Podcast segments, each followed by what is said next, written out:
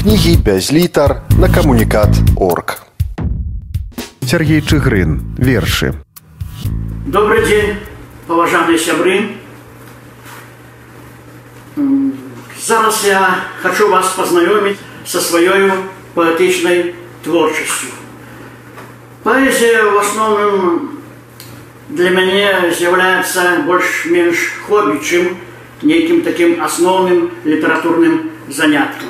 Я больше люблю литературознавство, краєзнавство, історію, але сяди тады і е, пишуться вірші, якби некий такий перепинник поміж дослідчими артикулами. И сегодня хочу познакомить со своей такой историей литературной поэтичной творчости. Першыя верш, першыя вершы мае былі з'явіліся ў друку і былі надрукаваныя, калі я яшчэ вучыўся ў школе. І тады выходзілі такія цудоўныя выданні, як піянер Беларусі, зорка, часопіс бярозка, часопіс бярозка, праўда, і цяпер дзякаваць Богу выходзіць. Вось туды і дасылаў свае першыя школьныя вершы. Не ўсе яны траплялі ў друк, але тое, што трапляла, яно прыносіла пэўную асалоду і пэўную радасць і натхняла на новыя паэтычныя творы. Першы верш з'явіўся, здаецца, як я вучыўся ў сёмым класе у часопісе бярозка, ён называўся свеціць сонейка. Ну калі зараз я э, прыгадаю, не памылюся, то я хочу вам вас пазнаёміць са сваім першым вершам ён такі светлы і шчыры які яго могуць зараз публікаваць любыя там розныя дзіцячыя выданні верш называўся светіць сонейка сёння зноўку на двары сонейка смяецца коцік з печы на акно сел каб тут пагрэцца у клубок скруціўся ён хвосцікам накрыўся памурлыкаў вочки звёў і ў сон зваліўся Спи счастливым ясным сном, спите, как и все дети, а нам сонейка в окно светить, светить, светить. Это был первый верш, надрукаваны ў часопісе, які э, той момант, э, той час нават памятаецца да сённяшніх дзён, Таму што э, я нават купіў некалькі нумароў часопіса і з гэтым часопісам і хадзіў у школу і трымаў яго пад падушкаю, Таму што была такая вялікая радасць, як быццам я ўжо стаў нейкім народным пісьменнікам і вядомым на ўсю Беларусь, калі пасля гэтай публікацыі. Часопіс Бароска у кожным нумары тады друкаваў вершы творчасць творчасць юных паэтаў, і мы друкаваліся э, з усёй рэспублікі мае равеснікі. А пасля прайшоў час, з многімі я ўжо сустрэўся в універсітэце, разам вучыліся, з многімі перапісваўся, з многім пасля ў жыцці пасябраваў. І хочу шчыра сказаць, што тыя публікацыі, тыя хлопчыкі, дзяўчынкі, якія мы, якія пачыналі свой шлях з публікацыямі ў часопісе Бярозка, Пенер Беларусі, Зорка, яны в асноўным все звязалі свой лёс з літаратурай, журналістыкай, з гісторыяй, з краязнаўствам. Зараз дарослыя людзі і з многімі я працягваю сябраваць і працягваю творчыя і сяброўскія адносіны. Так нам гэтыя выданні дапамагалі не толькі там э, друкаваць нашы творы, але дапамагалі ў сяброўстве, у творчых такіх узаемаадносінах і за ўсё вядома я гэтым выданням удзячны, а таксама удзячны тым літаратурным супрацоўнікам, якія працавалі у гэтых выданнях. Найперш это паэту міколу чарняўскаму, які дзякаваць Богу яшчэ жыве ў мінску, які шмат нас вучыў паэзіі, літаратуры, на кожны верш, на кожнае пісьмо ён дасылаў адказы, паказваў, як трэба пісаць вершы, нагадваўся памылкі, якія мы рабілі ў сваіх творах, рэдагаваў нашыя творы і пасля яны з'яўляліся у, у выданнях. Я яшчэ ўдзячны Міколу Чарняўскаму, таму што ён сапраўды быў маім першым настаўнікам у літаратуры і гэта дзякуючы яму э, я не спыняў пісаць свае паэтычныя творы калі размовы ідзе сёння менавіта пра, пра паэзію амаль усе лісты пісьмы я захоўваю сваім хатнім архіве зараз іх часто перачытваю і думаю наколькі цярпення было ў чалавека адказваць нам дзецям на кожны верш э, рабіць заўвагі рабіць нейкія э, прапановы пажаданні але гэта было і настаўнік вельмі правільна накіроўваў нас на творчы шлях на вялікі жаль зараз у у беларускіх літаратурных выданнях і, і, і ў выданнях для моладзі для дзяцей таких літаратурных кансультантаў няма Ды і зараз выданняў вельмі шмат розных і беларускамоўных і э, рускамоўных дзе кожны юны творца калі ён спрабуе сваю літаратуру можа надрукавацца ішоў час і напісалася вельмі шмат твораў і в 1993 годзе выйшаў мой першы зборнічак паэзіі шчырая шчара.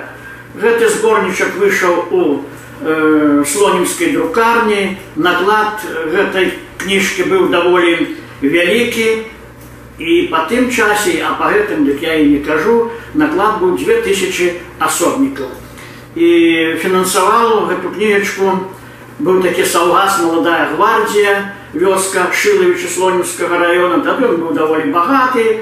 І я звярнуўся да старшыні калгаса і ён профінансаваў гэтую кніжку і яна мне прынясла такую пэўную салону і радасць і э, задавальненнем. Сюды ўвайшлі вершы тыя калі які я напісаў калі быў школьнікам калі быў студэнтам гэта такія юнацкія творы.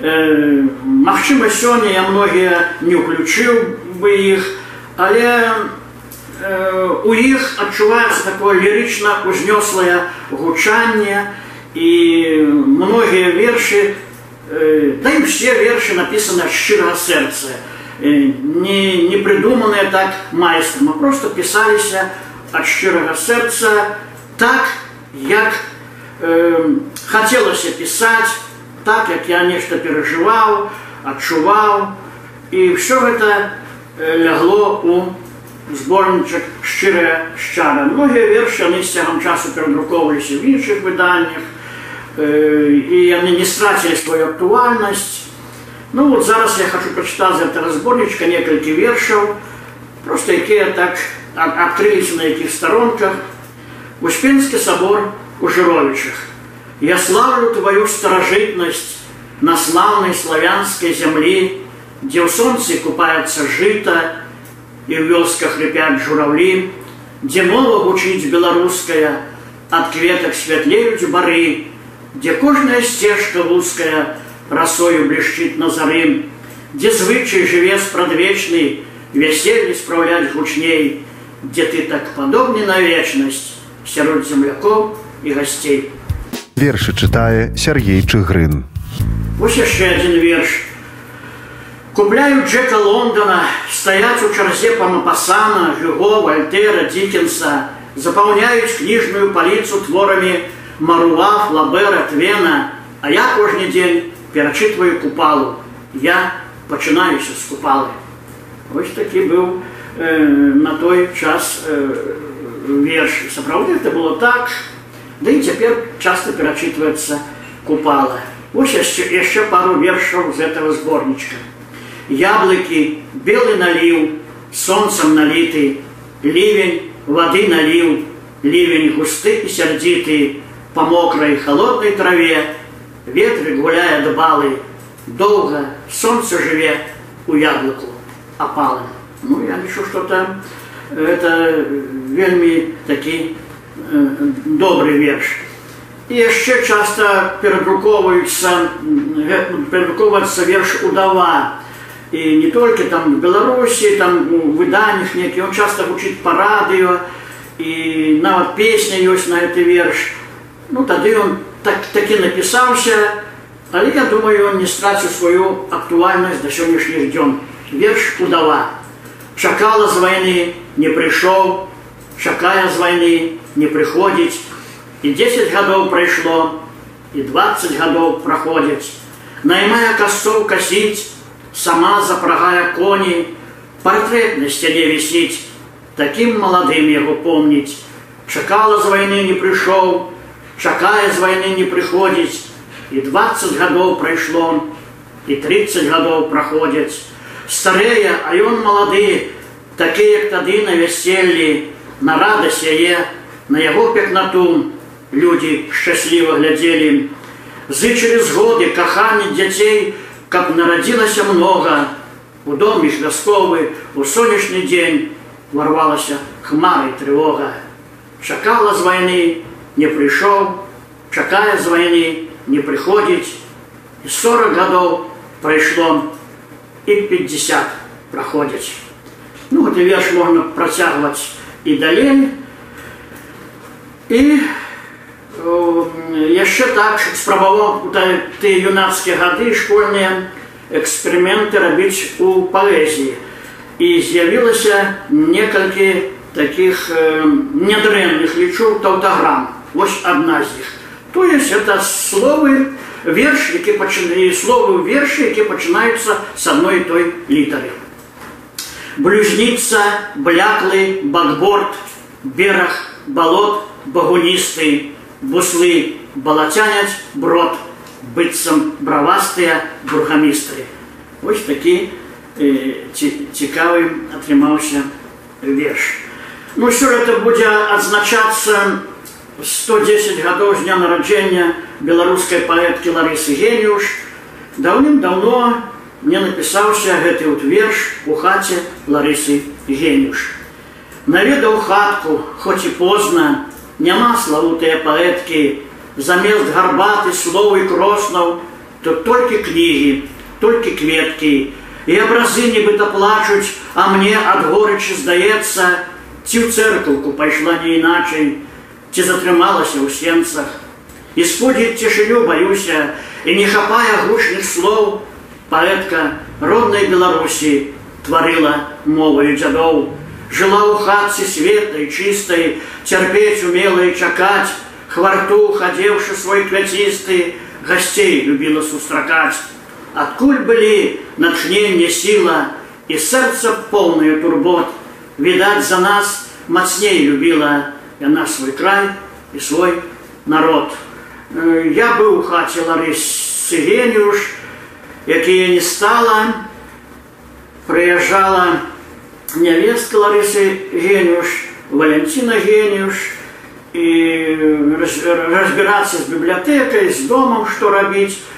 І якраз тады я бачу, дзе жыла Лариса Генель, бачу все яе кнігі, там падарункі, ўсё і пасля гэтага ўражання напісаўся вось гэты верш. Пасля зборніка шчыра шчырая шчара з'явіўся яшчэ такі невялічкі зборнік горад без цябе, прысвечаны э, чыста лірычны зборнік, прысвечаны э, каханню і ўзаемаадносінам там маладых людзей, в асноўным таксама такія вершы, лірычныя і, і многія мне вельмі падабаюцца да сённяшніх дзень дзён і я іх вельмі часта чытаю перачытваю ну вельмі люблю вот, э, люблю верш які называется русалка э, новел про э, русалак э, можна здымаць вельмі бясконца здымаць вельмі добрыя фільмы шмат пісаць Пра іх гэта такія дзівосныя загадкі. І што мяне атрымалася верш быў напісаны ажно 1992 годзе. Што атрымалася я зараз вам пачытаю. Я помню з маленства паданні былыя пра папараць кветку дзяўчыну русалку. І беглі мы ў лес на азёры старыя, шукаючы шчасця, дзівосы да ранку. Каму з нас пашчасціла нават не помню, і хто прыгажуню праводзіў да ганку, у майскі дзянёк дзе купаюцца промні, сустрэць давялося аднойчы русалку з бярозаю белай, яна сябравала, пяшчоціла цела ў лістоце зялёнай. Каго ж ты русалка цяпер пакахала сярод беларускай прыроды чароўнай. Русалка маўчала, усмешку дарыла высокаму сонцу і чыстай вадзе, і толькі бярозе пра ўсё гаварыла, а больш а нікому, а больш а нідзе. Ну, такі файны, файны верш. Вот падобныя такія творы лягли в основу зборніка горад без цябе.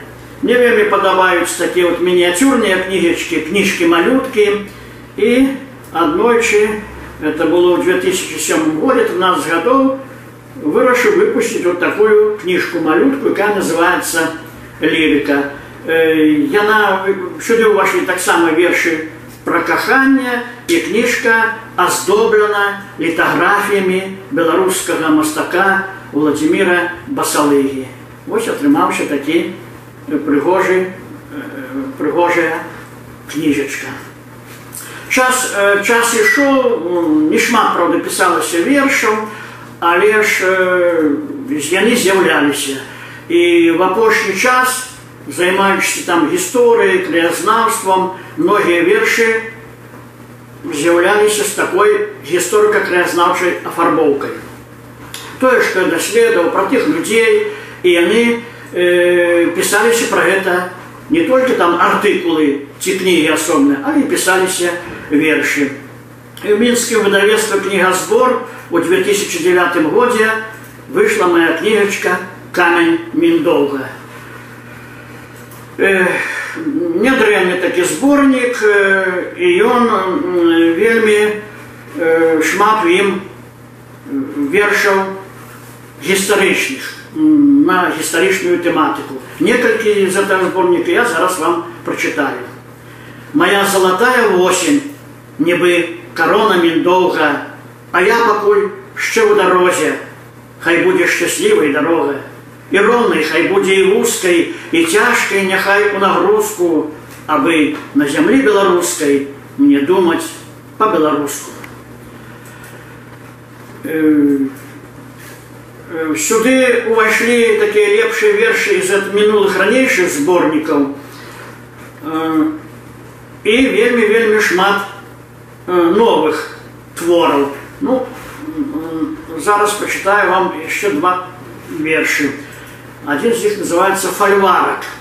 Узнаемый фольварок, я приеду с паненкой, Кольки выпито чаров, все трав этих кветок, Тут мазурки гучали, соловьи стяжинок, Танцевать запрошали мы паненок литвинок, Сырокомля тут был, и Мицкевич с Марилей, Той, кто край свой любил, самый светлый и милый, и счастливые разом выбегали на ганок. Мы забыли паненок, не забыли фольварок. Верш присвячений Емілії Плятер. Ти нашу айчину завжди і мою ратувала хату. Я шукаю твої сліди, вояр наш Емілія Плятер. А ці вольной державе живем, серед бедных мы и богатых, а ці тою дорогой идем, до тебе мы, Эмилия Плятер. Ось таки атрымалася такая мініяцюрка, присвечаная Эміліі Плятер, ну і вядома ж, э, вядома ж нам.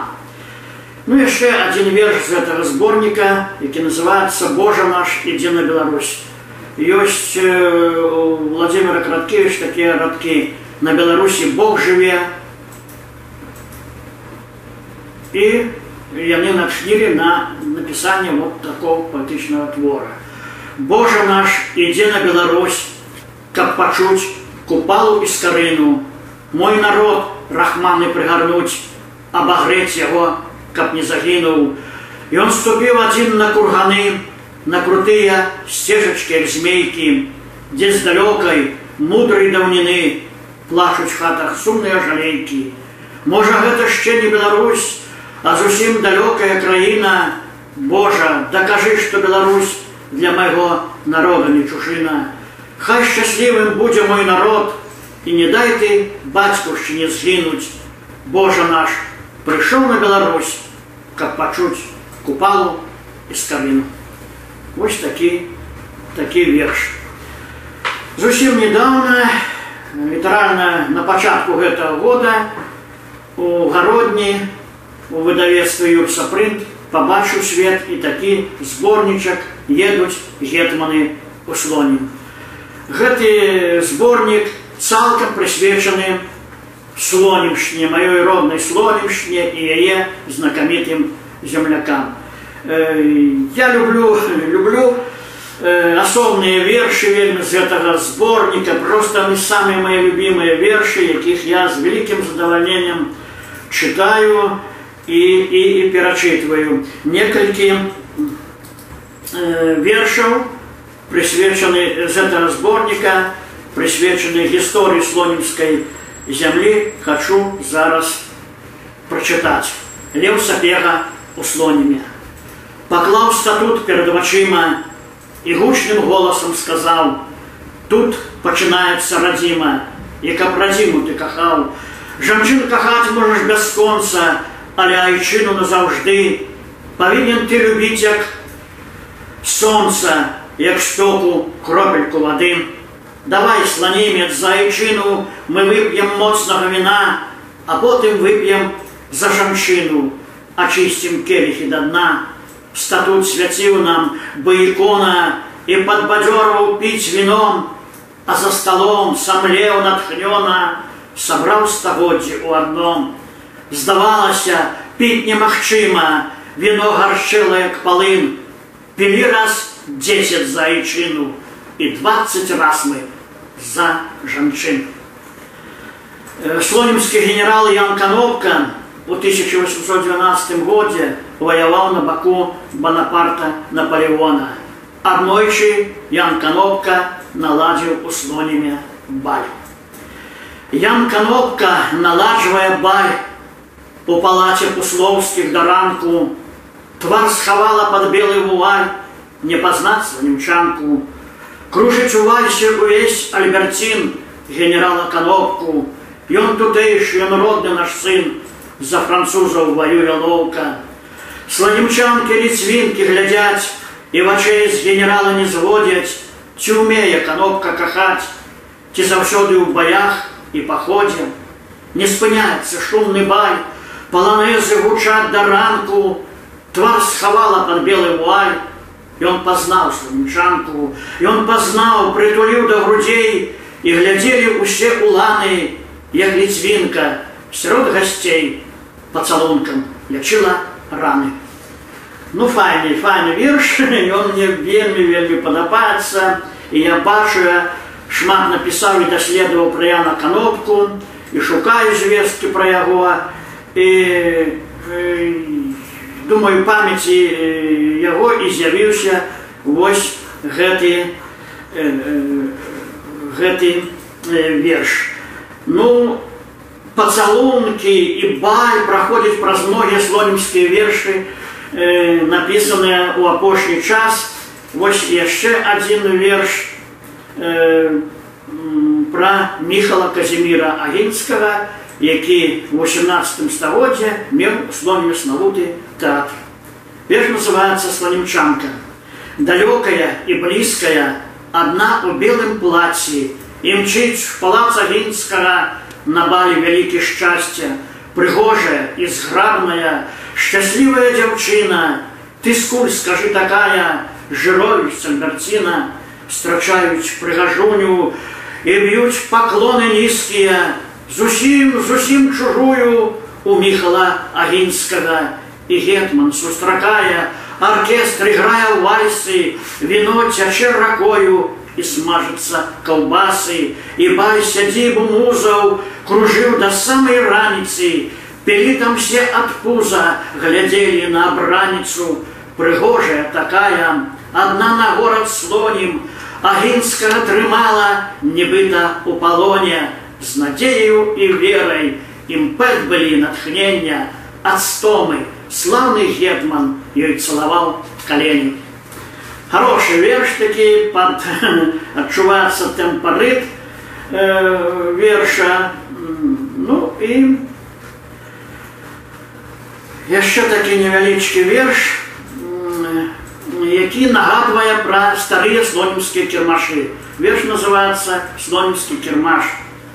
А на слонімскім кірмашы прадаюць вяскоўцы кашы, грады яшчэ прадаюць і косы, каб збівалі халодныя росы, і сярпы прадаюць і сякеры, самаробныя клямкі на дзверы, прадаюць бы ў мінулых стагоддзях, а да іх мужикі падыходзяць, і жанчыны сярпы трымаюць, бы жніва залатога чакаюць, і святлее ад гандлю кірмаш, бо святлейшага в свеце няма ж.